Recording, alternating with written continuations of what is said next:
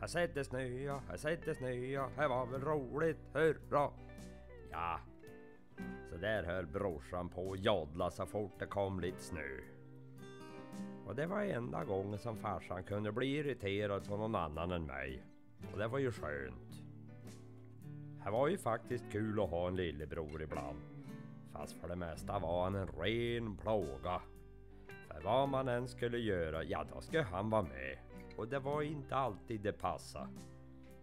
Det jag tyckte var mest jobbigt var att så fort han inte fick vara med mig och leka, ja då sprang han in till morsan och lipa och sa att jag var elak mot han.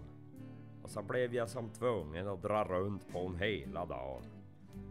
Jag måste säga att brorsan hade stora skådespelartalanger. För så fort han fått sin vilja fram, då slutade han att lipa. Sånt där hade jag svårt för. Och det var väl därför jag alltid råkade i konflikt med farsan. För fjäsk och ögonkänneri, det var aldrig min grej. Jag kommer ihåg en gång där jag var tvungen att släpa runt med en hela dagen bara för att morsan skulle få lugn och ro som hon sa. Jag tyckte det var död och pina för han ingick som inte i min planering för dagen. Och ett tag lekte jag med tanken att låsa in den i garaget några timmar så jag fick vara i fred. Men jag skrotade den idén för jag visste att han skulle skvallra. Och då hade man en hel dag på rummet att se fram emot. Det lockade inte värst. Ja, ja, det var bara att bita i det sura äpplet och göra det bästa av situationen. Jag föreslog brorsan att vi skulle åka skidor.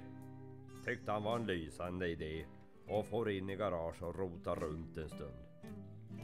Får du verkligen låna dem där? frågade jag när han kom ut med morsans nya slalomskidor på fötterna. Ja, jag far, men inte du, svarade han och flinade upp sig.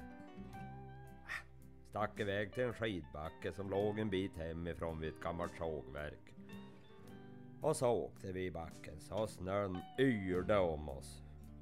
Och när vi hade åkt en stund då tyckte brorsan att det började bli som tråkigt och föreslog att vi skulle göra en hoppa längst ner i backen så kunde vi ha en backhoppartävling. Det går inte, svarade jag. Finns inget att göra en hoppa av. Finns det visst det, sa brorsan och rullade fram en gammal tunna som låg invid husväggen. Sen började han skotta upp snö framför den. Ja, jag var tveksam till hela idén, men jag lät den hållas. Och när han var klar så flinade han upp sig och sa nu du Sigge, nu ska du få se hur det går till. Så gick han upp och tog sats. Och han kom ner för backen med jävla fart. Och precis när han gjorde sitt uthopp så såg jag att hans skidor slutade precis vid bindningarna. Och då förstod jag att halva skidan låg kvar under tunnan. Ja, jag skrattade så jag höll på att göra på mig, för jag förstod att för en gångs skull var det brorsan som fick stanna på rummet och Sigge fick vara ute och leka.